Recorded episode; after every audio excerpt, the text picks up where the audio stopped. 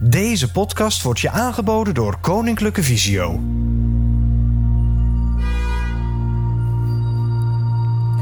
Nou, hier staan we dan.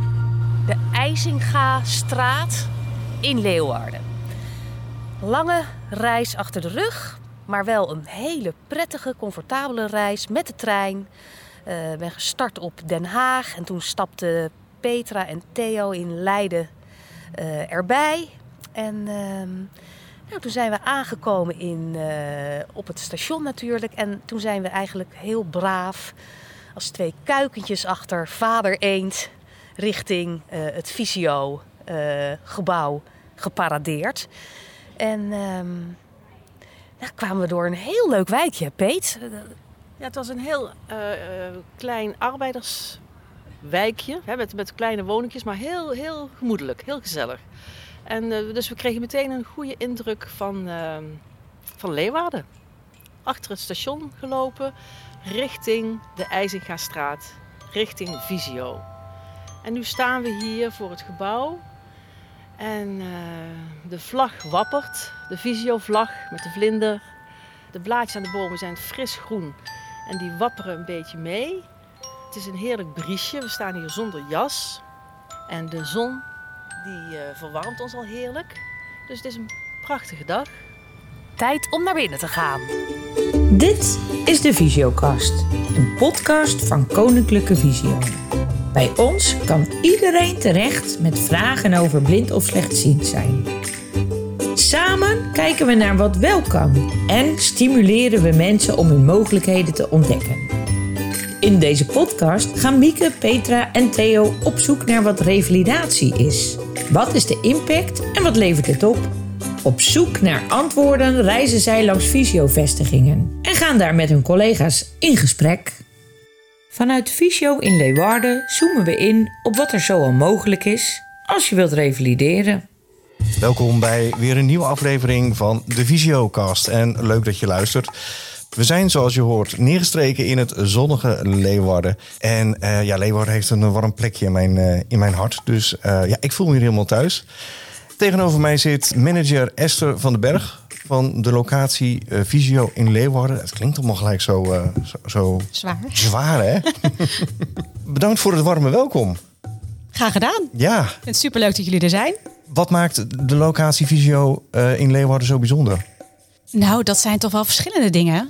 Er is hier een heel hecht team. Dat werd mij van tevoren verteld en dat, uh, dat is ook echt zo.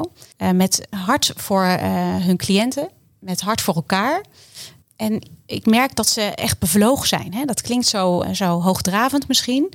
Maar ik merk echt dat ze vanuit hun hart het allerbeste willen voor hun cliënten. En dat het hun nog steeds raakt, al werken ze hier 25 jaar, dat zij het verschil kunnen maken voor cliënten. Ja, want jij bent vrij vers bij Visio. Uh, sinds september ben ik hier betrokken bij, uh, verbonden hier aan Leeuwarden. En sinds ruim 2,5 jaar uh, werk ik bij Visio. Ja, dus dan kijk je nog met een denk ja. vrij frisse blik ja. naar, naar, naar zo'n team. Absoluut. En gisteren kreeg ik nog een verhaal te horen van een van de medewerkers hier, adviesmedewerker Tineke, die zo meteen ook aan het woord komt. Uh, zij werkt, uh, nou, ik denk inmiddels 26 jaar bij Visio. Uh, en zij vertelde een verhaal ook van een cliënt. Zij was bij die mevrouw thuis geweest. En dat had haar geraakt, omdat die mevrouw die midden in het leven staat, waar zij nu een rol in kan spelen om haar leven nou, toch te verbeteren. Ja, mooi. Met hoeveel mensen zijn jullie hier? Nou, dat heb ik even uitgezocht. Wij zijn hier met um, 24 medewerkers en een heel mooi team van vrijwilligers en ervaringsdeskundigen.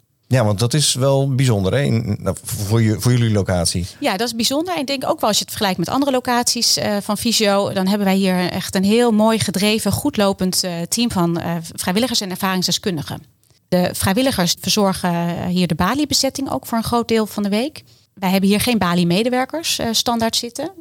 Uh, dus wij zijn heel blij dat onze vrijwilligers uh, hier voor een groot deel de Bali-bezetting doen. En de, de, gasten, de cliënten ontvangen. Hè? Ze zijn gastheer, gastvrouw. Waar zijn jullie hier in Leeuwarden trots op? Um, ik denk dat wij trots kunnen zijn op de diversiteit aan zorg die wij bieden. Van, van baby tot, tot, tot 100 jaar, 100 plus. En, en welk gebied bestrijken jullie? Dat is um, heel Friesland, tot en met de, de kop van uh, de, de, provincie Flevoland. En wat ik ook nog leuk vind om te vertellen is dat ik, um, er zijn ook heel veel collega's hier die eh, zich eh, inzetten voor expertiseprojecten, dus onderzoek doen. we hebben binnen Visio een hele tak van expertise in samenwerking vaak met universiteiten. En ik heb een aantal medewerkers hier die, die dus betrokken zijn bij veel expertiseprojecten. Een van hen gaat nu voor de tweede keer in korte tijd weer naar het buitenland. Ze is in, in Oeganda geweest kort geleden, waar ze dan training geeft aan kinderen op school, kinderen met een visuele beperking. en binnenkort gaat ze naar Egypte. Oh, mooi. Dus dat is, ja, dat is toch wel heel, uh, heel gaaf. Ja, veel mensen weten dat niet, maar we hebben ook een internationale tak uh, van Visio, waarbij we dus inderdaad uh, na, naar het buitenland gaan om daar te ondersteunen. En onze kennis te delen ook met de organisaties die daar, die daar werkzaam zijn. Ja. Terwijl je dit zit te vertellen, zie ik je steeds meer gaan stralen. Zijn er nog meer dingen waar je trots op bent? Waar ik um, vooral nu aan denk is de kinderrevalidatieweek. Die in de eerste week van de zomervakantie georganiseerd wordt door een groep medewerkers hier. En dat doen ze met zoveel enthousiasme. En ze hebben daar zo ontzettend veel zin in. En dus dat is super mooi om te zien. En ik, het is ook gaaf om te zien dat er heel veel aanmeldingen zijn. Dat er zelfs een wachtlijst voor is. Dat is natuurlijk sneu voor de kinderen die op de wachtlijst staan. Maar het laat zien dat, dat het een hele toffe week is. Dus het is heel gaaf dat het weer kan. Kan je kort beschrijven wat, wat zo'n revalidatieweek inhoudt? Het is uh, op een um, groepsaccommodatie in Bakkenveen komt een groep van twintig kinderen met een groep begeleiders samen om te werken aan uh, bepaalde revalidatiedoelen. Dat gaat over zelfredzaamheid, jezelf ontwikkelen in een andere omgeving dan thuis eigenlijk. En dat wordt natuurlijk ingekleed uh, met heel veel gezelligheid en samen met andere kinderen met een visuele beperking. Dus ook dat contact onderling, nou dat is gegarandeerd succes. Mooi. Nou, dan wensen we jullie daar in ieder geval veel plezier bij. Wij gaan in gesprek over kijken naar de mogelijkheden die er zijn. En ik hoop dat jij straks aan het eind weer even aan wil sluiten. Hartstikke leuk.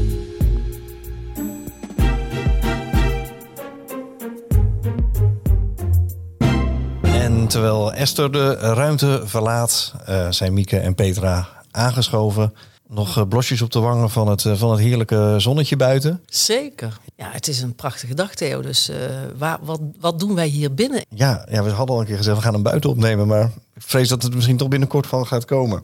En dan kijk ik even naar de reacties op de vorige podcast. Bij Visio Erf in Apeldoorn spraken we toen over hulpvragen. En dat blijkt een onderwerp te zijn dat veel luisteraars aanspreekt en herkenning geeft. Naast heel veel lovende woorden kregen we ook een reactie van iemand die niet slechtziend of blind is, maar longpatiënt. Mijn longarts heeft de aanvraag voor klinische revalidatie in Davos de deur uitgedaan. Revalideren in Davos betekent 8 tot 12 weken volledig in Zwitserland verblijven. Best pittig, maar het hooggebergte is goed voor mijn lijf, weet ik uit ervaring. En die hulpvraag, zo moeilijk Hoewel ik een totaal ander revalidatietraject inga, zijn er ook veel overeenkomsten. Ik vond het mooi om in de podcast van jullie herkenning te vinden. Andere doelgroep, hè? Uh, longpatiënt begreep ik, uh, die ook gaat uh, revalideren in het buitenland. en ook geconfronteerd wordt met alle mogelijkheden. En ja, dat ze het zo lastig vond om toch ook een hulpvraag te formuleren. Ook gelet op het aantal mogelijkheden dat er uh, is. En de herkenning die zij toch vond in het verhaal van eh, de doelgroep waar wij dagelijks mee uh, te maken hebben. Ja, en, ik denk dat je daarbij ook ziet dat de re revalideren dus iets universeels is. Ik weet niet of dat het juiste woord is, maar dat het eigenlijk wat, wij in, wat we in de allereerste aflevering al zeiden, dat revalideren voor, voor iedereen geldt. Hè. Dat kan dus zijn als je naar de fysiotherapeut gaat en daar wat oefeningen moet doen, tot aan nou ja, revalideren van een ernstige ziekte. Maar het is altijd ook van wat is onmogelijk? Hè? Want ze zegt van uh, ze heeft weinig lucht, dus ze, heeft, uh, ze gaat revalideren. Er zijn allerlei mogelijkheden. Zij wil gewoon weer vrij kunnen ademen, vrij kunnen leven. Maar hoe ga je dat doen? Wat, wat moet je daarvoor naar de bergen? Moet je daarvoor uh, ademhalingsoefeningen doen? Of moet je daar juist voor gaan fietsen en heel erg inspannend zijn? Dus ik kan me voorstellen dat je denkt: wat moet ik vragen? Waar, waar, kan, waar kan ik op rekenen? Maar goed, het is ons, ons vakgebied niet. Hè? Dat is, uh... Ik heb ook wel van iemand teruggehoord die, uh, die zei van wat een boeiende podcast. Uh, maar ik lees, ik, ik kan hem maar in stukjes ehm, horen. Want er wordt zoveel uh, informatie verstrekt. En, en ik vind het ook best confronterend. Want inderdaad, wat is nou eigenlijk mijn hulpvraag? Dan kom je natuurlijk echt bij de kern. Mm -hmm. Wij hebben het heel vaak over het onderwerp. Maar als je natuurlijk echt in die, in die rol zit dat je zelf moet bedenken wat je wil, wat je hulpvraag is, dan kan ik me ook voorstellen dat alles wat wij voorschotelen ehm, wel erg aan je blijft plakken. En dat, het, dat je af en toe even rust moet nemen om het te verwerken. Ja. ja, en dan kan je wel van alles aandragen, maar het is niet, is niet altijd ook uh, een antwoord is op de hulpvraag. Vanuit mijn eigen ervaring kan ik dan ook wel zeggen dat als je die hulpvraag, dat als je het lastig vindt om die hulpvraag te formuleren of te bedenken voor jezelf, kan je natuurlijk altijd ook gewoon in gesprek gaan met de mensen van Visio. Ja, dat is een hele goede optie. We gaan het in deze podcast hebben over het kijken, het denken en het doen in mogelijkheden. En toen ik daarover na ging denken, ja, toen liep ik eigenlijk alweer vast. Gewoon omdat ik heel moeilijk deed over het woord mogelijkheden. Want wat is dat voor bijzonder woord, Mieke? Als ik dat niet weet, dan kan ik dat zelf opzoeken. Maar meestal kijk ik dan naar jou. Want jij duikt daar dan ja. al die woordenboeken in. Waar komt het woord vandaan? Ik heb het etymologisch woordenboek er natuurlijk weer uh, op uh, nageslagen. En wat kom je dan tegen? Het is een verbastering van het uh, werkwoord mogen. En dat betekent toestemming hebben om. En mogen in het oud-Nederlands was dat mugon. Wat kunnen betekent. Iets wat zou kunnen gebeuren. Dus als je naar mogelijkheid kijkt, dan gaat het er eigenlijk om iets wat kan gebeuren of bestaan. Dat is mooi, Mieke. Dat is mooi. Dat vind ik een mooie omschrijving. Iets, want het heeft met kunnen te maken en mogelijkheden. En nou zie ik ook meteen het verband dat als er nieuwe mogelijkheden zijn, dat er dus ook altijd een drempel is, dat het ook best wel spannend is. Want dan denk je, ja, wie wil dat niet? Nieuwe mogelijkheden. Maar als het heeft te maken met kunnen, dan is het ook iets wat spannend is, want dan moet je ook weer iets nieuws aanleren. En dat geeft vaak spanning. Ja, en, en Petra, denk jij dan veel in mogelijkheden? Ja, toch wel. Ik ben wel nieuwsgierig en ik vind het leuk om dingen te ontdekken. Maar ik vind het ook best wel spannend. Ik vind wel, als je soms uit je comfortzone moet om iets nieuws te gaan doen of iets wat je nog niet zo goed kent, dat, dat is altijd heel gek. Uh, misschien ben ik daar niet de enige in, maar aan ene kant vind ik het ontzettend leuk. En uh, denk ik, ja, yes, uh, we gaan iets nieuws ontdekken. En aan de andere kant denk ik, nou, als, nu, als ze nu zeggen van nou, het gaat niet door, dan denk ik, oh, gelukkig. Dus het is, het is precies dat, dat woord wat het ook maakt. Dus het heeft altijd twee kanten. Ja, het heeft de spanning tussen iets nieuws ontdekken en het veiligen van je comfortzone. Ja, precies. Hoe zit het dan bij jullie? Herkennen jullie dat? Nou, wat ik uh, zo af en toe, waar ik last van heb, is dat ik uh, soms ook wat overspoeld kan raken door alle mogelijkheden die er uh, zijn. Er is zoveel aanbod. En dan denk ik vooral aan het culturele aanbod. Ik hou heel erg van naar de film gaan en naar theater. En er is zoveel. En je kunt het niet allemaal doen. En soms heb ik de neiging om het dan wel allemaal te doen. Maar ja, dan raak je eigenlijk overvoerd. Dan zit je nog bij te komen van het ene stuk. En dan, nou, dan moet je alweer naar het volgende. Uh, terwijl het ook heel goed is om datgene wat je hebt meegemaakt, om, daar, om dat even te laten indalen en even bij jezelf na te gaan. Hoe vond ik het eigenlijk? Ja, hoor ik het woord keuzestress? Keuzestress, ja. Ja, ja, dat is ik het woord. Altijd weer terugdenken aan het moment dat ik uh, in de supermarkt een potje pindakaas wilde gaan halen. Vroeger, nou, vroeger opa verteld, maar vroeger had je dan de keuze uit drie soorten hè, met stukjes en zonder stukjes en weet ik veel wat, nog een keer light of zo. Ik moest dus zeg maar een paar maanden geleden een pindakaasje halen. Dus ik naar de lokale grootgrutter. En daar staat me een partij aan mogelijkheden van pindakaas. Ik denk echt dat er, nou, zonder overdrijven, 80 verschillende potjes pindakaas stonden. Ook dat ene potje wat ik al jaren koop. En daar kreeg ik een beetje keuzestress van. Want ik denk, ja, die anderen zullen er toch niet voor niks staan. Misschien is het wel lekker met sambal erin of met zonder palmolie. Ik moest ook even denken aan de paasbrunch uh, bij Van der Valk. Daar had jij het ook laatst uh, over, toch, Theo? Ja, dat vind ik ook zo'n ook zo'n zo'n iconisch moment. Dat je dat maakt nu eigenlijk niet. Elk ontbijtbuffet waar je binnenkomt lopen, hè, dat is altijd te veel. Bij de meeste gerechten die daar staan, denk ik, nou, daar zou ik best mee willen ontbijten. Dus dan ga je de eerste keer langs zo'n buffet en dan schep je je bordje vol met de dingen die, waar je op dat moment trek in hebt. En dan denk je, nou, de rest komt dan straks wel. Nou, de, de lekkerste dingen, die bewaar ik eigenlijk voor het laatst. En daar heb ik dan vaak gewoon geen trek meer in. Of zit ik tegen heugenmeugen op te eten. Ik moet ook dan, uh, ja, dat is iets waar mijn voorkeur eigenlijk naar uitgaat. Gewoon naar uh, zo'n zo'n lekker eetteentje waar je gewoon eet wat er op dat moment uh, op het menu staat. Hè. Mag je alleen, of je alleen te kiezen tussen vlees, vis of vegetarisch.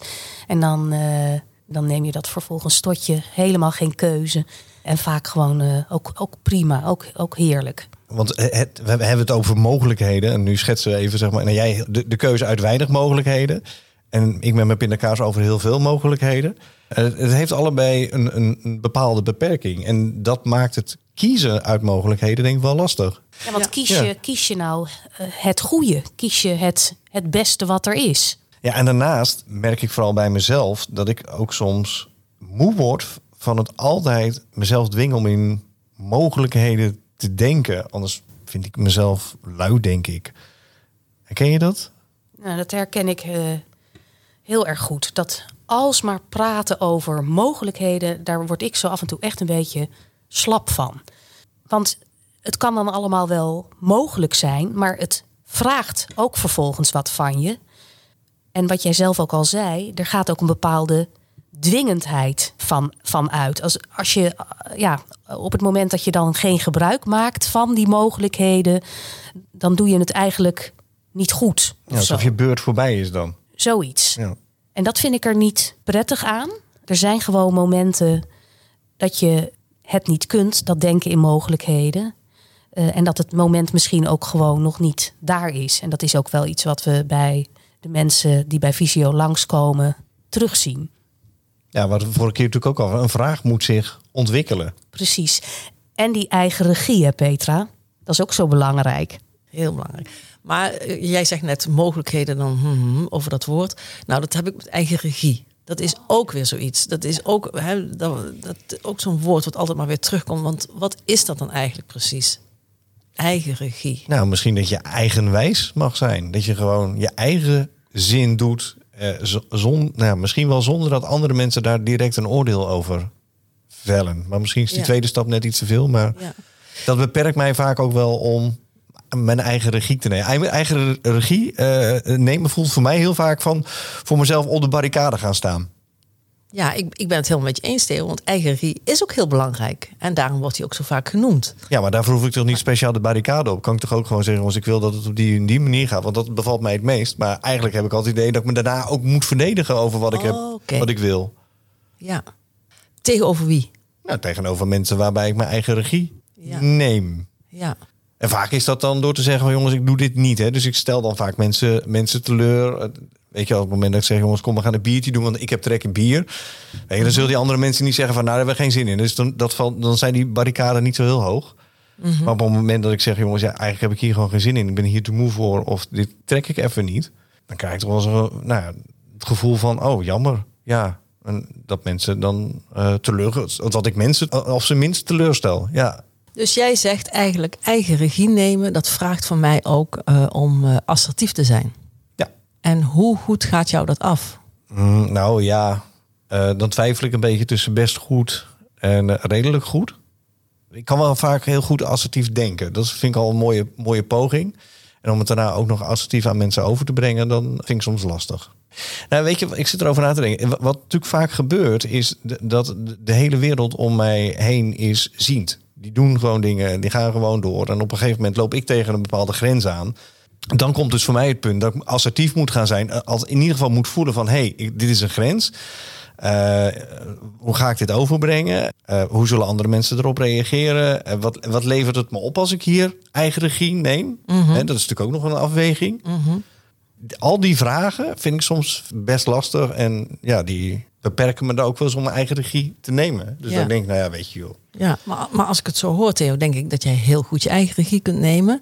Alleen heb jij moeite met dat af en toe ook naar buiten toe te brengen. Maar je eigen regie, die heb je wel. En je, je weet wel precies wat je wil, wat je kan, eh, tot hoe ver je wil gaan of hoe ver je kan, kunt gaan.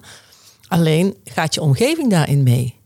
Nee, die vinden het soms vreemd. Ja, Ja, die verwachten dus schijnbaar meer van mij. Vaak verwacht ik zelf ook meer van mezelf. Maar die verwachten meer van mij dan dat ik op een gegeven moment aan kan bieden. Dat vind ik best lastig onderwerp. Want ik stel dan ook vaak, weet je wat ik net al zei, ik stel dan vaak mensen teleur. En dat is vooral niet mijn opzet. Maar dan is de keuze, stel ik mezelf teleur of stel ik andere mensen teleur. Dus kies ik voor mezelf ja. of juist niet. Ja. Wat je zegt van stel ik mezelf teleur, Ik denk dat het daar meer in zit. En als jij vindt van jezelf van ik stel me nu teleur, dan laat je eigenlijk de regie een beetje los. Maar als jij dat kunt toestaan, die teleurstelling, van ja, dat hoort er ook eenmaal bij, dan neem je weer je eigen regie. Ja. Denk ik. Ja, en dan kom je dus weer op het punt van keuzes maken. Ja. Dus stilstaan, kijken hoe is de situatie nu? Ja, en dan kan ik er ook inderdaad voor kiezen om dat, die teleurstelling te nemen voor mezelf. En denk ja, oké, die is dan voor mij. Maar heb ik wel mijn eigen regie genomen. Ja. Ik zat ook nog ergens aan te denken. In het kader van die mogelijkheden. En dat, dat kom ik wel tegen in de, in, de, in de spreekkamer. Dan heeft een cliënt allerlei onderzoeken gehad. Een scala aan mogelijkheden is voorgelegd. En dan vraag ik, hoe was dat zo eh, voor u? En dan geeft die cliënt aan, ja, wat ik echt zou willen, namelijk beter kunnen zien, ja, dat is niet meer mogelijk.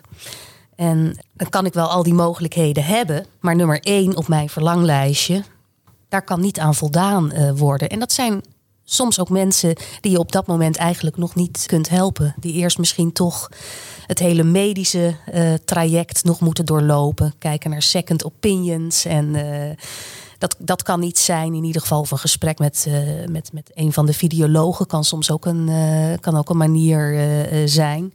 Ja, dat je toch hoopt dat je er met een brilletje vanaf komt. En dat je dan toch weer verder, verder kunt leven zoals je het altijd eh, deed. En dat je je leven niet op een bepaalde manier hoeft te gaan hervormen.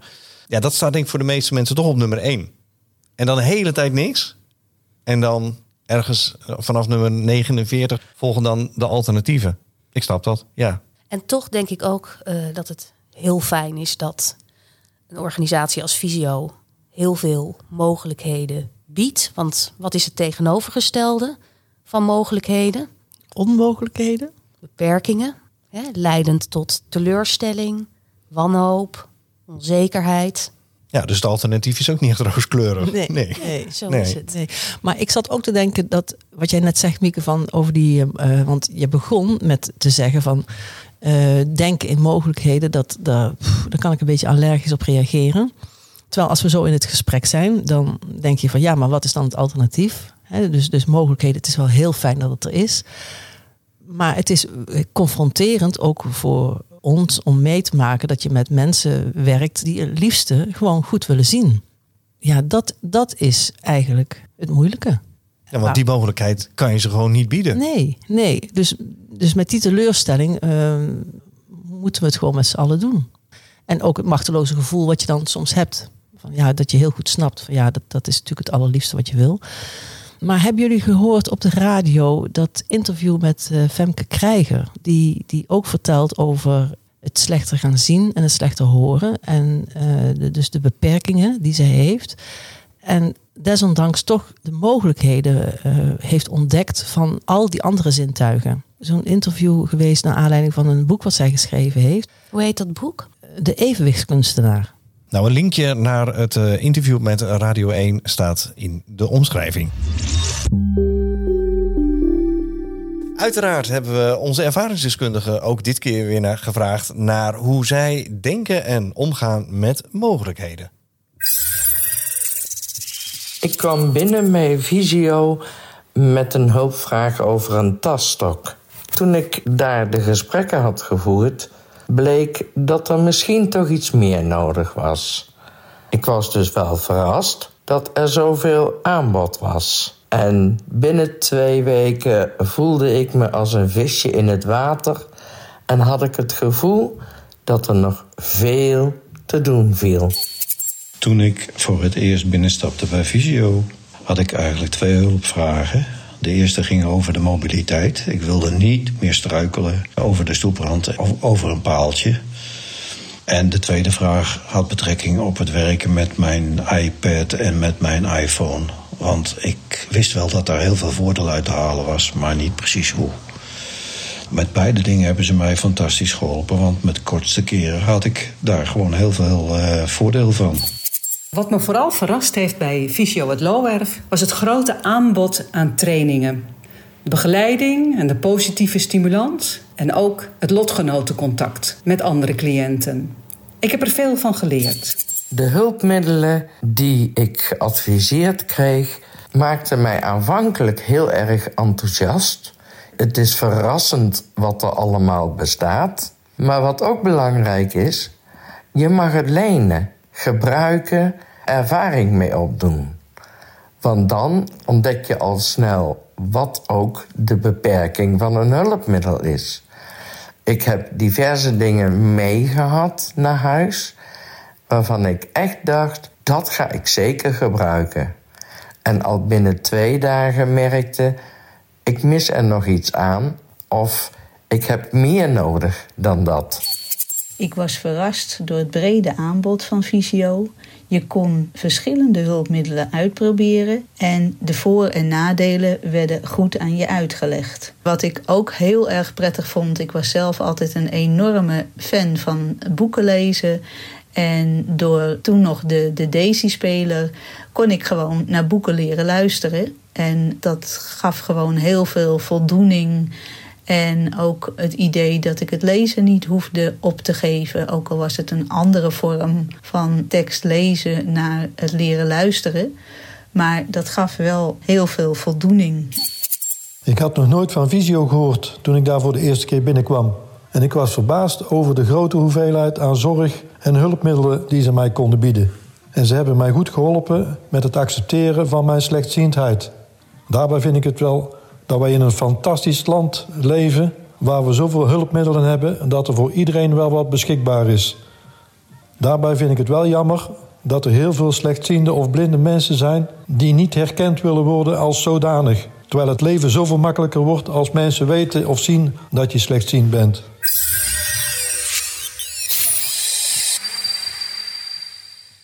Een uh, eerste boeketje van reacties van onze ervaringsdeskundigen. Uh, ik, ja, ik kan hiervan genieten, want ik, vind er, ik, ik herken er heel veel dingen in. Herkennen jullie er ook veel dingen in? Wat ik zo mooi vind, uh, wat je steeds terug hoort ko komen, is het verrast zijn door het brede aanbod hè, aan, aan zorg en hulpmiddelen ik zou me kunnen voorstellen dat ik daar dan misschien ook wat door overvoerd zou, me zou voelen worden. Maar wat je merkt in deze verhalen is dat ze vooral heel motiverend uh, werken. En wat ook zo op prijs wordt gesteld, dat mensen het niet direct hoeven aan te schaffen, maar dat ze het ze af en toe ook mogen uitproberen en dan eigenlijk erachter komen, nou, er ontbreekt nog wat aan, uh, misschien toch niet uh, voor mij. Ja, dat vond ik ook wel het hele leuke eraan. Dat had ik nog niet eerder gehoord dat er ook aan hulpmiddelen beperkingen zijn. Zo spreken wij er eigenlijk nooit over. Ja, nou ja, goed, een kleine kanttekening daarbij. Ik gebruik een vergrotingsprogramma op mijn, op mijn, op mijn computer, hè, zodat alles opgeblazen wordt en dat ik het makkelijker kan lezen. En uh, ik heb echt als collega's gehad die zeiden van, nou ja, weet je, dan kan jij hetzelfde als wat ik kan. Dan ben ik een beetje kort door de bocht, maar dat was wel vaak de reactie. Nee, dat is het niet. Hè. Met vijf keer vergroten zie je 1 25ste van je computerscherm. Mm -hmm. Dat is ook een beperking. Alleen het is wel een beperking die je net iets verder uh, brengt als uh, zonder de mogelijkheid. Ik vond ook die, nou, volgens mij was dat de laatste reactie. Uh, die, nou, die, die kunnen uh, mensen ook wel misschien als een beetje bevoogdend ervaar, ervaren hebben. En waarom maken toch niet meer mensen met een visuele beperking gebruik van een bepaald hulpmiddel, zodat je jezelf meer kenbaar maakt? Hè? nou, dan hebben we het natuurlijk over de taststok of over de herkenningsstok of de button of nou ja, noem maar op. Ik ben wel benieuwd wat jij van, van die reactie vond, Theo. Nou ja, ik heb ook een tasstok. Die zit opgevouwen in mijn tas. En dat zegt eigenlijk wel voldoende. Ik loop daar ook niet, ja, ik wil bijna zeggen mee te koop. Want zo voelt het wel. Hè. Je bent op dat moment niet meer een anonieme verkeersdeelnemer als je met een stok op straat loopt. Nee, je bent voor iedereen herkenbaar als iemand met een visuele beperking. Dat zal voor de een anders voelen als voor, als voor de andere. En het is echt niet zo dat ik me ervoor schaam, want ik wil er ook graag over praten, want anders maak ik deze podcast niet. Maar toch, die stok, dat blijft een een obstakel. Het is een mogelijkheid die misschien wel heel beperkend werkt. En ik ken twee mensen met een visuele beperking die die stok echt met trots voeren. Dat vind ik echt het soort. Het zijn echt een soort iconen voor mij. Dat ik denk van nou, dat vind ik echt zo knap als ik ooit nog eens zo ver kan komen. Eén die zegt gewoon, ja, die stok die hoort gewoon bij mij. Het is een hij heeft ook die stok nodig om zich te kunnen verplaatsen. Maar ja, dat je als een soort pet opzet van ik ga naar buiten en uh, die pet die hoort bij me. Zo hoort die stok ook bij die meneer. Volgens mij wordt er in de volgende compilatie toch ook nog het een en ander over gezegd. Ja, daar komen een aantal mensen terug op hun uh, beleving met de tasstok. Aanvankelijk had ik toch wat schaamtegevoel over het lopen met de tasstok. Maar dat heb ik eigenlijk de eerste dag me overheen gezet. En daarna had ik iets. Het is mijn hulpmiddel. Het zorgt ervoor dat ik beter kan functioneren. En veilig me kan bewegen in het verkeer. Wat een ander daar dan van denkt, is minder interessant. Wat ik ervaren heb ermee, is dat heel veel mensen enorm behulpzaam worden als ze iemand zien lopen met een tasstok. Dat is eigenlijk een hele positieve ervaring. In dat opzicht ben ik blij met de tasstok en dat ik naar buiten toe niet overal hoef te vertellen: ik zie het niet, dus wil jij voor mij kijken? Nu is dat meteen een aanbod. Ik vind het niet erg om zichtbaar te zijn voor mijn omgeving met mijn blinde geleidehond en mijn tasstok. Mensen hebben respect voor je. Respect voor hoe je door het leven gaat, hoe je je zelfstandig redt. Tot dusver heb ik eigenlijk veel vriendschappen opgedaan. Lotgenoten, mensen die begrijpen waar je doorheen gaat. Verder heb ik ontzettend veel geleerd over wat er allemaal mis is met mijn ogen, omdat ik niet een specifieke ziekte heb, maar heel veel defecten. De eerste jaren van mijn slechtziendheid wilde ik niet dat andere mensen ehm, zagen dat ik uh, slechtziend was. En nou, dat ik probeerde dat zoveel mogelijk wel ehm, te verbergen. En achteraf blijkt dan dat mensen dat eigenlijk best wel heel goed door hadden. Ik heb ook jarenlang met een uh, tasstok in mijn rugzak gelopen zonder hem te willen gebruiken. En nu denk ik daar gewoon heel anders over. Nu is de tasstok echt mijn maatje geworden. En ik ga ook absoluut niet meer de deur uit zonder mijn tasstok. Ik denk nu ook gewoon dat het belangrijk is dat je ook herkenbaar bent. En dat mensen op die manier ook rekening met jou, of in dit geval met mij, kunnen houden. Van het begin af aan heb ik, ben ik nooit de deur uitgegaan zonder het, mijn tasstok. Mijn tasstok is gewoon zo belangrijk, omdat mensen mij daarmee herkennen. En ik daardoor ook heel makkelijk extra hulp aangeboden krijg. Dus uh, dat is gewoon een dubbel voordeel. Ja, ik heb toch een beetje het idee dat ik een soort minderheid aan het worden ben met mijn opgevouwen stok in mijn tas. Nee, echt uh, goed om te horen dat er zoveel mensen van onze ervaringsdeskundigen hun stok met, nou, ik durf te zeggen, het trots dragen. Ja, ik ben ook heel blij om dat te horen, maar ik, ik ken ze ook uh, die daar heel anders over denken, uh, Theo. Ja, ik ken er toch meer die daar anders over denken. Maar ik vind het echt bemoedigend om te horen dat deze mensen er, er nou, met zoveel, ja, nogmaals, trots over spreken. Zo van, nou, hij hoort echt bij me. Nou, dat, is... dat is mooi.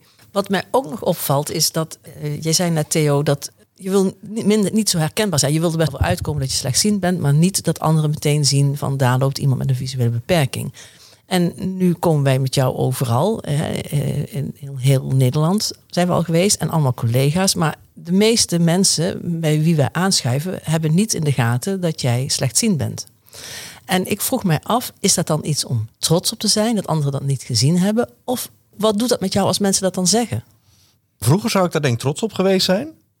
En, en nu um, ja, sta ik daar vrij neutraal in. Ik ben me bewust van dat ik niet herkenbaar ben als iemand die slechtziend is. Ik, even voor de duidelijkheid, ik gebruik mijn stok ook niet omdat ik de hele dag tegen paaltjes en dingen. Ik, ik kan maar vrij goed, of eigenlijk gewoon goed door het verkeer bewegen op bekende plaatsen. En op plekken waar ik niet bekend ben of waar ik spannend wil worden, dan klap ik mijn stok uit en dan gebruik ik hem echt wel. Dus, dus laat ik daar ook duidelijk over zijn. Ja, of vind jij dat jij vrij snel in het contact moet zeggen van ja, ik ben ook slechtziend? Nee. Nee. Nee, vind ik niet. Of het moet ertoe doen. Mm -hmm. Weet je, ik ben, ik ben niet mijn, mijn beperking in dit geval. Maar goed, ik film ook. Hè, dus la, en, en daar uh, heb ik natuurlijk echt wel last van mijn visuele beperking. Omdat ik gewoon niet echt alles kan zien. Dus als ik met mensen ga filmen, dan zeg ik dat van tevoren wel bij. Dan, ja. weten, ze, dan weten ze inmiddels wel waar, waar ik toe uh, in staat ben visueel. Uh, in, in, in het maken van, van films. Dus dat ze niet denken, ja, ik ga met een half blinde ga ik een film maken. Maar ik kan dat vrij goed. Maar ik kan bijvoorbeeld niet met de hand scherp stellen. Want ik zie gewoon op mijn scherm niet of het scherp is. Dus ja, als het ook onscherp is, en dat had ik laatst. een scène die was gewoon helemaal verknald. eh, omdat ik niet gezien heb dat de camera niet goed focuste. En dan vind ik het heel fijn om van tevoren even tegen iemand gezegd te hebben van... joh, ja, sorry, eh, had ik niet in de gaten, maar zullen we het even overdoen? Dan hoef ik daarna niet uit te leggen dat ik het niet eh, goed gezien heb. Dus ik, ik ben daar wel open in, maar ik vind wel dat het functie moet hebben. En wat wel gebeurt is natuurlijk dat ik het niet verteld heb tegen iemand... en dat het later dan zeg maar toch boven komt drijven. En ja, dan is de rekening zeg maar ook voor mij. En dan zeg ik over, ja, sorry, eh, had ik je misschien eerder moeten vertellen... maar ja, ik ben slechtziend. Ik zit ook een beetje te denken aan eh, andere eh, groepen die bijvoorbeeld een beperking of een, een, eh, iets hebben wat niet zichtbaar is. En, en, hoe, anders dat is. Hè. Stel dat je geestelijke problemen hebt, je hebt last van depressiviteit. Dan denk ik dat het een beetje hetzelfde werkt. Dan is het ook niet iets wat je continu, denk ik, bespreekt met je omgeving. Maar wel op het moment dat je denkt, dit heeft een functie. Ja, even eh, gechar- gechargeerd. Iemand met depressiviteit gaat ook niet met een zwart mutsje de straat op. Nee, Nee. klopt. Klopt. Ja, nee, En ja. daar wordt niet over gesproken. Nee. Nee. nee. En ik snap ook wel dat de zwart muts- mutsje een iets minder grote functionaliteit heeft als een tasstok. Hè? Dus, Ja, ja. Maar Ja. ja, het, het maakt je heel herkenbaar. En dat voelt ook wel kwetsbaar. Want je bent anders als de mensen om je heen. Daar, dat maakt je ook heel duidelijk kenbaar op dat moment. Ja, maar ik denk dat ook het grote verschil is, precies wat jij zegt, van gebruik je de, de stok ervoor om herkenbaar te zijn, of gebruik je de stok omdat je je eigen weg eh, makkelijker kunt vinden. Dus we hebben het nu inderdaad over die herkenbaarheid, maar dat wil niet zeggen dat iemand met een stok eh, beter ziet als dat een ander ziet die hem niet gebruikt. Dus het gaat er heel erg om, heb jij hem nodig en helpt het jou? En geeft het jou weer mogelijkheden? Dat, dat laatste. Ik, ja. ik gebruik hem op het moment dat ik hem nodig heb. Dus we komen weer op een stukje eigen regie uit. Ik pak hem uit mijn tas op het moment dat ik hem nodig heb. En misschien sta ik dan inderdaad al met mijn, met mijn, met mijn, met mijn voet in de modder.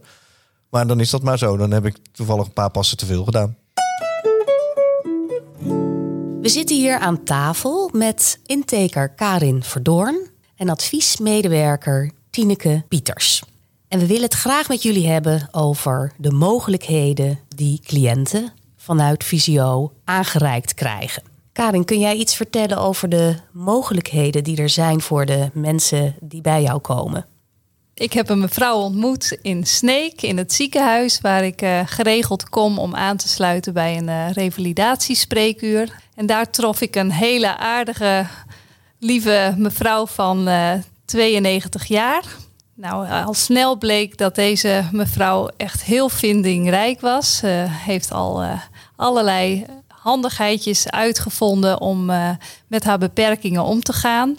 Haar schoondochter werkt in woningaanpassingen. Dus dat speelt dan ook een eh, rol dat hij ook mee eh, denkt en vindingrijk is. En ja, zij is zelf gewoon heel erg modern en aan het computeren. Mogelijkheden van vergroting eh, uitzoeken zelf. Dus daar had ze al eh, veel ideeën over. Maar ze zei wel, ik heb nu heel veel moeite om het toetsenbord eh, af te lezen omdat ze zo praktisch ingesteld was, heb ik gezegd van goh, heeft u wel, weet u van de bestikkeringsmogelijkheden van een toetsenbord?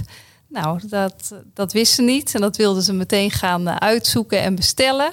Ja, dat heeft ze ook meteen aangepakt en gedaan. Dus op dat moment was dat voor mevrouw al voldoende. Ze had hulpmiddelen voorgeschreven gekregen van Ergra en ging aan de slag met, eh, met die tip die ik haar heb gegeven. Kwam de emotionele kant ook nog aan de orde? Nee, nee. En deze mevrouw die heeft zelf best wel een belast verleden. Veel meegemaakt in haar gezin.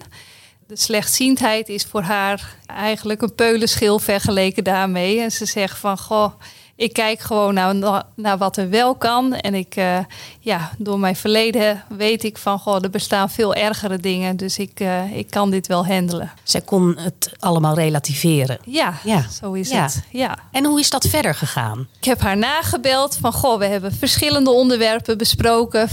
Zijn er nog punten waarvan u denkt, goh, daar wil ik toch nog eens een keer bij Visio uh, naar laten kijken. Op dat moment was dat niet zo, maar later kwam er wel een verwijzing uh, binnen via de huisarts. Dat mevrouw toch in huis tegen steeds meer dingen aan ging lopen. Zoals? Bijvoorbeeld, ze kon haar sleutel niet meer goed in het sleutelgat krijgen. Uh, ik ben bij haar thuis geweest omdat ze zowel slechthorend als slechtziend is. De verlichting in huis was niet, uh, niet meer goed. Nou, bleek dat ze de plafonnière achter zich heeft en een heel weinig licht op het aanrechtblad. Telefoneren was wat lastiger geworden. Ze deed altijd zoveel op de computer, maar ook dat kost heel veel moeite en inspanning. Magnetron bedienen, inschenken van drinken, wat er heel vaak naast gaat. Ze merkte dat dat gewoon uh, iets is wat ze eigenlijk dacht van ja, dit zou misschien toch wel beter kunnen. En daar heb ik misschien wel iets meer hulp bij nodig hoe meer we gingen vragen, uitvragen, hoe meer punten eigenlijk ook wel kwamen van, oh ja, ja, dat doe ik zo, maar eigenlijk is dat best wel moeilijk en kost me dat best wel inspanning. Tineke, jij hebt mevrouw ook gezien op het eh, adviescentrum. Ja. En heb jij nog teruggehoord van haar wat het effect voor haar was? Op zich was zij heel blij met de tips en handvaten die ik gegeven had met het markeren van de magnetron en de wasmachine. En dat het ook goed gaat en ook helder voor er is om het zelfstandig ook te kunnen uitvoeren.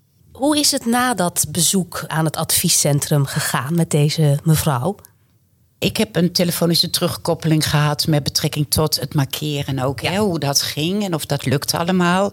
En volgens ja, mij. En daarna komt uh, de ergotherapeut dan bij mevrouw. Hè, om te kijken van goh, hoe gaat het eigenlijk met de hulpmiddelen die ze heeft ontvangen. Zowel van Ergra als van ons. En kunnen er aanvullende adviezen gedaan worden. En dat is ook gebeurd. Ze heeft nog verlichtingaanpassing uh, gekregen in de keuken onder andere. Waardoor ze weer veel makkelijker haar groenten kan snijden. Dus dat, uh, dat bevalt daar heel goed. Ook is er bijvoorbeeld een sticker rond het sleutelgat geplakt, zodat ze niet meer met haar kleine zaklampje hoeft te schijnen, maar dat het gewoon nu zonder dat zaklampje lukt. Karin die vertelde net iets over een sleutelgat en iets van bestikkering. Hoe moet ik me dat voorstellen? Er is een bepaald hulpmiddel, dat heet de Lock-Aid. En dat is van hard plastic, wat je om het sleutelgat kan plakken. Een soort sleutelgeleider, zodat je de weg kan vinden naar het sleutelgat toe. Dat is een mogelijkheid. En bestikkeren, ja, dat is meer dan ook om het contrasterend te maken. Dus bijvoorbeeld met een bepaald gekleurde tape, gelang de uh, kleurstelling van je ja, sleutelplaat. Wat ik heel duidelijk uit jullie verhaal opmaak, is een scala aan mogelijkheden. Hebben jullie haar aangereikt? Mm -hmm. Maar zij was het die aangaf dit wel en dit niet. En ja. zij heeft ook heel duidelijk haar moment bepaald. Hè? De ja. eerste keer was ze gewoon er nog niet aan toe. Of ze had gewoon zelf de goede oplossingen voor haar op dat moment. Maar toen het toch wat minder is gegaan met het zien, ja, ervaart ze toch wat meer problemen. Zoals ook, ja, ze merkte dat ze meer fouten begon te maken in het uh, typen van WhatsApp-berichtjes. Nou, dat vind ik ook bijzonder dat je op je 91ste daar nog steeds actief in meedoet. Ze wil haar taken als uh, mantelzorger voor haar overbuurman van uh, 99 goed kunnen blijven doen. Dus ze merkte, ik wil die zelfstandigheid eigenlijk nog verder uitbouwen. En die zekerheid heeft ze meer gekregen naar aanleiding van de hulp die ja. geboden is. Mag ik jullie um, heel hartelijk danken voor dit interview. Geeft meer zicht op hoe cliënten omgaan met alle aangereikte mogelijkheden. Graag, Graag gedaan.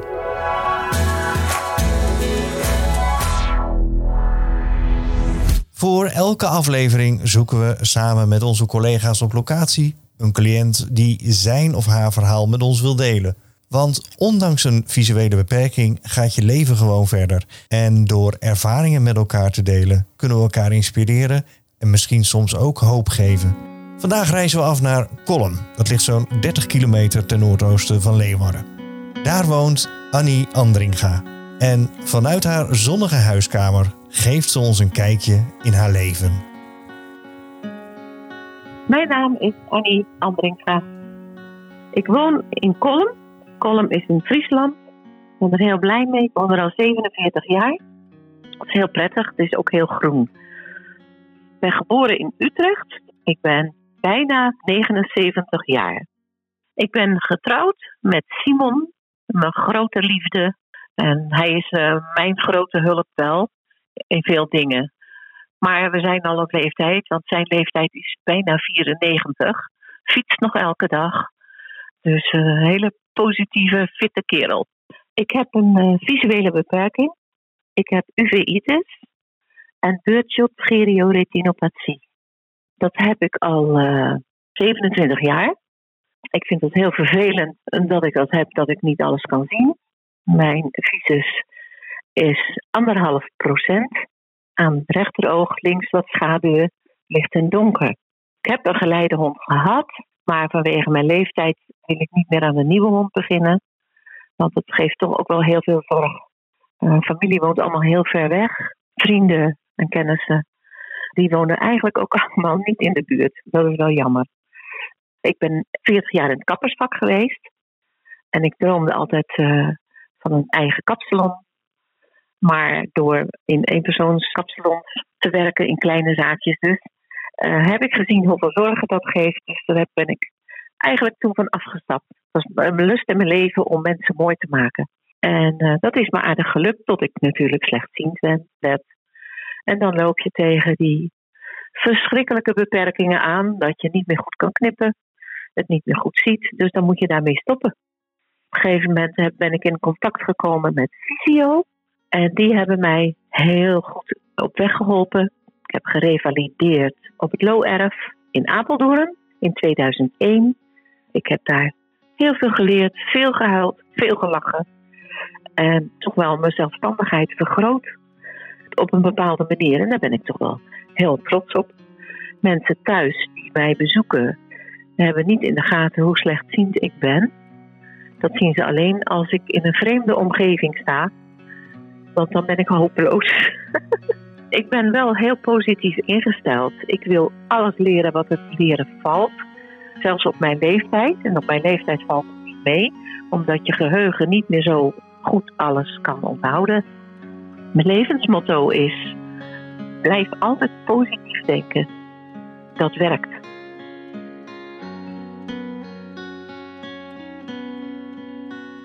Wil je reageren op dit verhaal van Annie? Dan kan dat. Stuur een mailtje naar visiocast.visio.org.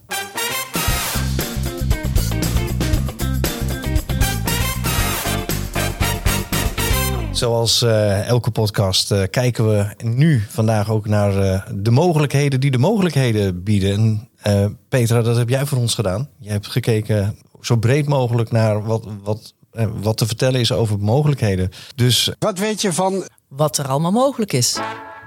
Best moeilijk. Denken vanuit wat er allemaal mogelijk is. Maar hoe doe je dat als je allemaal beren op de weg ziet en alles je tegen lijkt te zitten? Als je denkt dat gaat me toch niet lukken, dat heb ik al zo vaak geprobeerd, dan kun je spreken van het ja-maar perspectief. Je kijkt dan naar wat er zou moeten zijn, maar er niet is. En daardoor blijf je denken in termen van beperkingen, bedreigingen en elk initiatief wordt zo om zeep geholpen. Maar mag je dan niet kritisch zijn? Ja, zeker wel. Kritisch denken gaat over controle hebben van je eigen denkprocessen en het behoedt je voor onnodig risico, waardoor je geen gevaar loopt. Je bedenkt je wel twee keer voordat je verder gaat. En is het glas dan half vol of is het glas half leeg? Er zijn mensen die de focus leggen op de dingen die niet lukken of niet goed gaan en die het glas zien als half leeg. Ze zien een half leeg glas en denken: verdorie, al de helft leeg gedronken. En er zijn mensen die denken in oplossingen en die overal mogelijkheden zien. Zij zien een half vol glas en denken: ah, fijn, ik heb nog een half vol glas om van te genieten. Hoe meer er mogelijk is, hoe meer stress het kan geven.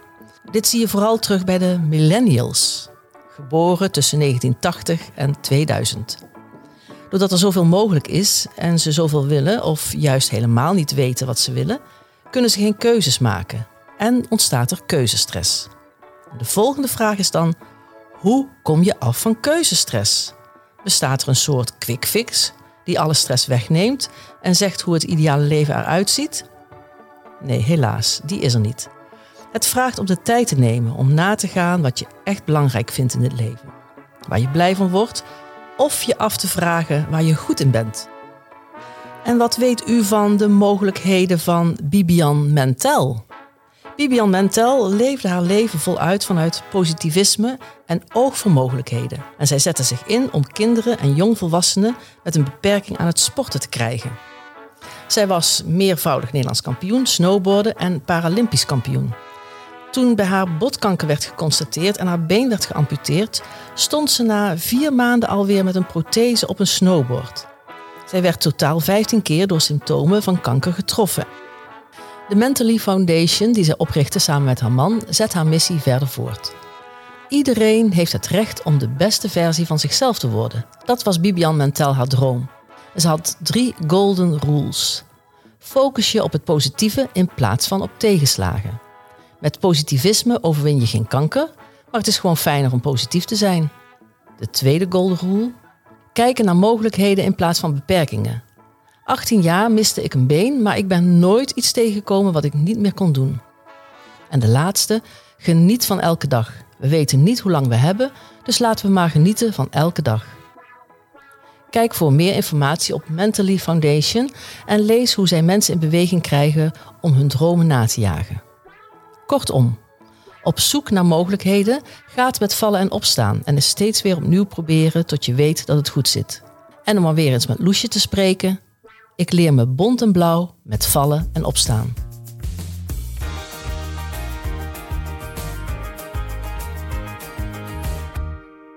En ook eh, richting het einde van deze podcast eh, kijk ik even met Mieke naar wat we nog niet besproken hebben. Ja, een beetje terugkijkend hè, op deze eh, aflevering. ehm, ja, stel ik eigenlijk vast heel fijn, al die mogelijkheden, maar nog geen garantie voor succes. Maar ik denk gewoon bovenal dat een mogelijkheid zich moet aandienen. hè. Net zo goed als een vraag moet rijpen. Wat mij net nog te binnen eh, schiet, eh, Theo, is onze vorige aflevering bij het Low Air, waar gesproken werd over de welbekende stamtafel. Ja, die hebben we ook gezien, hè? Die hebben we ook gezien. Waar cliënten dan eh, tussentijds, maar vaak ook s'avonds bij elkaar schuiven. En dan ook met elkaar het hebben over wat zij hebben aangepakt. Wat hen goed heeft eh, eh, gedaan. En dat daar ook zo veel toegevoegde waarde hè, van, van, van uitgaat. Dus dan wordt het niet eens zozeer van de kant van visio aangeboden. Maar van mensen nou ja, die het zelf hebben ervaren. Ja, de- die het de- proefondervindelijk Ja, mond-op-mond reclame. Precies. Werkelijk. Ja, en dat kan, dat kan ik me wel heel goed voorstellen. hè. Dus dat je met een lotgenoot in gesprek gaat die iets gedaan heeft. Eh, waarvan je eigenlijk niet zo overtuigd wat dat goed voor je zou zijn. Maar die er zo enthousiast over is. En je de voordelen kan uitleggen. Dat je er zelf ook over na gaat denken om die mogelijkheid te benutten. Precies, wat toch weer een andere uitwerking heeft dan als een professional dat tegen jou zegt die zelf niet visueel beperkt is. En inmiddels is manager Esther van den Berg heel stiekem zachtjes binnengeslopen. En aan onze tafel gaan zitten. Nou, fijn Esther dat je er weer bent, want jouw collega Maarten Buitenman uit Apeldoorn, eh, die heeft wat ingesproken. Hoi Esther, hier een bericht van Maarten van het Lowerf. Nou, wat ik wil meegeven is dat ik ontzettend trots ben dat wij eh, dit werk mogen doen. Onze cliënten begeleiden, meer perspectief eh, te bieden richting toekomst. Wij doen dat vanuit intensieve revalidatie. Jullie vanuit het regionaal centrum, maar uiteindelijk allemaal met hetzelfde doel. Fijne uitzending. En hij heeft ook een spreuk opgeschreven op een tegeltje. Het is het doorgeeftegeltje. Dat tegeltje dat overhandig ik jou aan jou namens eh, Maarten. Dankjewel. Oh, mooi. Van angst, rouw en verdriet naar hoop en perspectief. Ja. Precies zoals het is. En nu begrijp je natuurlijk wel, Esther, dat er van jou ook een spreuk wordt verwacht. Zodat we die weer mee kunnen nemen naar eh, jouw collega in uh, Sittard, waar we de Ja. volgende keer eh, naartoe gaan. Een tegeltjeswijsheid. Mag ik je hartelijk bedanken voor de gastvrijheid die wij hier eh, genoten hebben in Leeuwarden. Wij vonden het erg fijn om hier te zijn. Hebben genoten van eh, nou, de heerlijke lunch en ontzettend warm welkom. Dankjewel. Nou, heel graag gedaan. En daarmee komen we aan het einde van deze visiokast vanuit Leeuwarden. Onze dank gaat uit naar de ervaringsdeskundige Kees, Hans, Irma, Meta en Yvonne. Verder werkten mee Esther van den Berg, Tineke Pieters, Karin van Doorn, Annie Andringa en de collega's achter de schermen. Mieke, Petra en ik pakken onze apparatuur weer in en zijn volgende maand bij onze collega's in Sittard te gast. Daar spreken we over prioriteiten, eigen regie en hoe lastig het soms kan zijn om je aan je eigen plannen te houden. Heb je tips of tops voor ons? Dan willen we die graag van je horen. Dus mail naar visiocast.visio.org. Heb je andere vragen aan Visio? Luister dan straks naar collega Yvonne die je de manieren om contact te leggen vertelt. Vanuit het zonnige Leeuwarden bedanken we je voor het luisteren en graag tot de volgende Visiocast. Dit was de Visiocast. We zijn benieuwd naar je reactie en kijken uit naar je mailtje. Ons mailadres is visiocast.visio.org, waarbij je visio met een V van Victor en kast met de C van Claudia schrijft. Meer informatie over Visio vind je op visio.org of bel met 088 585 8585. Daar beantwoorden onze collega's je vragen of bespreek je met elkaar welke mogelijkheden er voor je zijn. Op het Visio Kennisportaal vind je informatie, tips en artikelen over uiteenlopende onderwerpen. Bezoek ons dag en nacht via kennisportaal.visio.org of bel tijdens kantooruren met de Kennisportaal Helpdesk op 088 585 5666 of mail naar kennisportaal.visio.org. Koninklijke Visio. Samen kijken naar wat wel kan.